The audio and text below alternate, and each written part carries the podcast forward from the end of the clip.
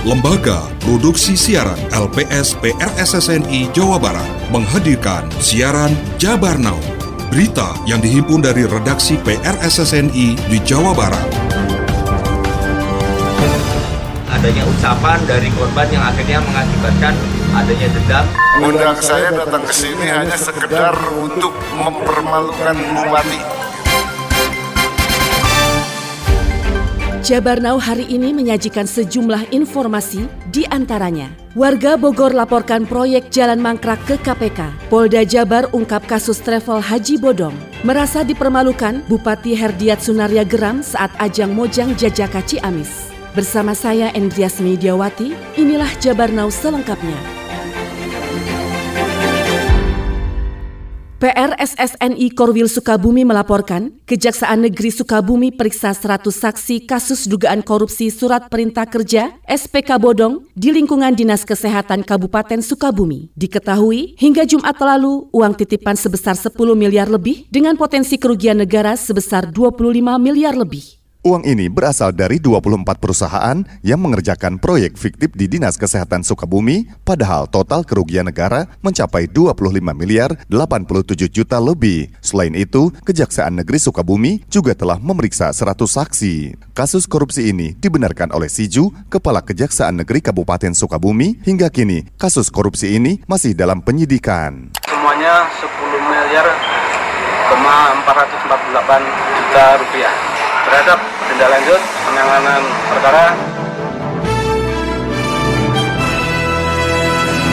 Dua hari berselang, usai perhelatan pemilihan Mojang Jajaka di Ciamis Minggu 15 Januari, menjadi viral setelah Bupati Herdiat Sunaria ungkapkan kegeramannya dalam pidato sambutan lantaran merasa dipermalukan karena mengetahui hadiah pemenang hanya satu juta rupiah. Selengkapnya bersama PR SSNI Korwil Priangan. Tak hanya merasa dipermalukan, Bupati Herdiat mengaku tersinggung dengan ucapan Kepala Dinas Pariwisata Ciamis Budi Kurnia yang mengaku tidak bekerja dan hanya duduk manis. Diketahui, pemilihan Mojang Jajaka yang merupakan ajang bergengsi tahunan bagi warga Ciamis yang digelar di Aula Gedung Irfan Hilmi minggu malam itu sedari awal berjalan lancar. Namun di penghujung acara, saat pembagian hadiah bagi pemenang, mendadak dikejutkan dengan pidato Bupati Ciamis Herdiat Sunaria dengan nada agak tinggi. Ia minta sek Sekda mengevaluasi kegiatan dan Kepala Dinas Pariwisata. Mas Sekda tolong harus dievaluasi lagi. Kepala Dinas duduk manis gitu. Malu saya gitu. Juaranya juga hanya satu juta. Event sebegah ini sebesar ini gitu. Herdiat akhirnya memberikan tambahan hadiah uang pribadinya senilai 20 juta rupiah diberikan langsung kepada Ketua Paguyuban Mojang Jajaka Kabupaten Ciamis Rais Ihsan Melki. Sementara Kepala Dinas Pariwisata Ciamis Budi Kurnia mengaku terkait hadiah kecil itu sebagai upaya mendidik masyarakat supaya tidak selalu orientasinya terhadap uang atau hadiah besar. Partisipasi masyarakat itu tidak hanya termotivasi oleh nominal Renaldi, Jejaka terpilih pada perhelatan pemilihan Mojang Jejaka mengatakan tidak mempermasalahkan hadiah yang tidak sebanding. Menurutnya, yang utama adalah berkontribusi kepada masyarakat. Hadiah bukan dipermasalahkan. Yang paling penting kita berkontribusi untuk masyarakatnya.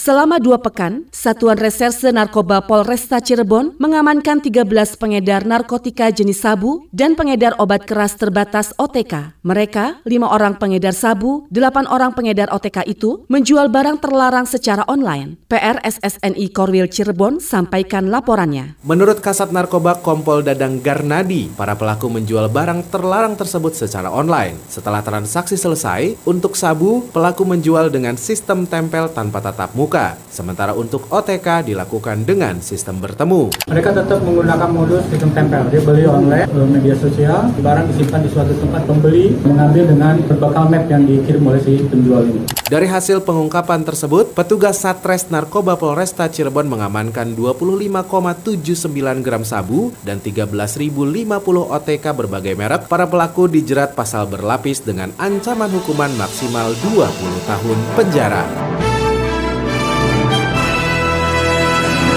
Polda Jabar mengungkap kasus penyelenggaraan ibadah haji khusus atau PIHK bodong yang menelan korban sebanyak 45 orang dengan nilai kerugian 4,6 miliar rupiah. Selengkapnya disampaikan PR SSNI Korwil Bandung. Direktur Reserse Kriminal Khusus Polda Jabar, Komisaris Besar Polisi Arif Rahman menjelaskan, dalam pengungkapan travel fiktif ini, seorang pria berinisial RMY telah ditetapkan sebagai tersangka karena ia telah memberangkatkan para jemaah haji ke Arab Saudi dengan menggunakan program khusus atau furoda. Namun setibanya di Arab Saudi, para jemaah ini ditolak oleh otoritas setempat karena tidak mengantongi izin resmi dan seluruhnya dideportasi kembali ke tanah air. Akibat ulah tersangka RMY mengakibatkan para korban menderita kerugian sekitar 250 hingga 300 juta rupiah.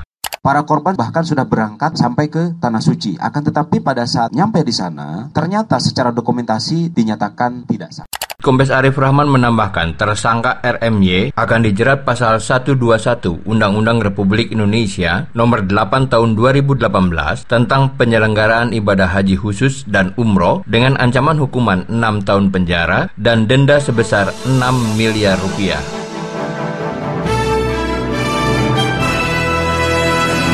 Terima kasih Anda masih mendengarkan Jabar Now yang disiarkan serentak di radio anggota PRSSNI se-Jawa Barat. Saudara, masuki era masyarakat 5.0, pemuda Icmi Jabar tetap akan berpikir kritis atau high order thinking skills, HOTS, disertai dengan penguasaan ilmu pengetahuan dan teknologi serta ketangguhan iman dan takwa. Berikut laporannya. Penegasan itu disampaikan Ketua Majelis Pengurus Wilayah MPW Pemuda Ikatan Cendikiawan Muslim Indonesia ICMI Jawa Barat periode 2022-2026 Jalu P. Priambodo. Menurut Jalu, kepengurusan pemuda ICMI yang baru dilantik akhir pekan lalu itu berasal dari akademisi, pengusaha serta profesional muda yang berusia di bawah 45 tahun serta berasal dari kampus terkemuka di Jawa Barat. Pemuda ICMI yang kekinian itu juga mempresentasikan beragam latar belakang ormas Islam hingga nasionalis. Dengan potensi itu, Jalu juga menyatakan kesiapan untuk bersinergi dengan semua elemen di Provinsi Jawa Barat guna mencari solusi permasalahan bangsa. Kami jawab dengan menyusun pengurus dari milenial. Kami juga akan menyiapkan kajian-kajian isu terkini seperti resesi global tahun 2023, industri 4.0 dan juga masyarakat 5.0. Kami berharap pemerintah Provinsi Jawa Barat bisa mempersiapkan diri secara lebih baik dan kami juga bisa mempersiapkan masyarakat secara lebih baik untuk bisa menghadapi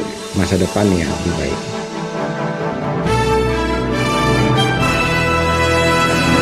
Polres Karawang menangkap pria inisial AR 24 tahun, warga Kelurahan Pedamaran 6 Kabupaten Ogan, Komering Ilir, Sumatera Selatan. Pelaku penusukan Yana Suryana 36 tahun, warga Kampung Paracis, Desa Tanjung Pura, Kecamatan Karawang Barat, seorang pedagang asongan, hingga meninggal dunia di sekitar perempatan lampu merah Pemkap Karawang yang terjadi Rabu 4 Januari silam. Berikut laporannya bersama PRSSNI Korwil Karawang. Penangkapan terhadap pelaku berhasil dilakukan setelah unit Resmob Satreskrim Polres Karawang bergerak cepat dengan berbekal keterangan saksi dan rekaman CCTV serta hasil mendeteksi ciri-ciri pelaku yang membunuh di lampu merah Pemda. Kapolres Karawang AKBP Wirdanto Hadi Caksono menyebutkan kalau pembunuhan itu terjadi setelah pelaku merasa sakit hati dengan korban yang melarang tersangka untuk berjualan di sekitar perempatan lampu merah Pemda. Adanya ucapan dari korban yang akhirnya mengakibatkan adanya dendam dan sakit hati. Akhirnya tersangka ini menusukkan sekali di bagian perut. Pasal yang kami sangkakan 338 juga 351 ayat 3 KUHP ancaman maksimal penjara 15 tahun.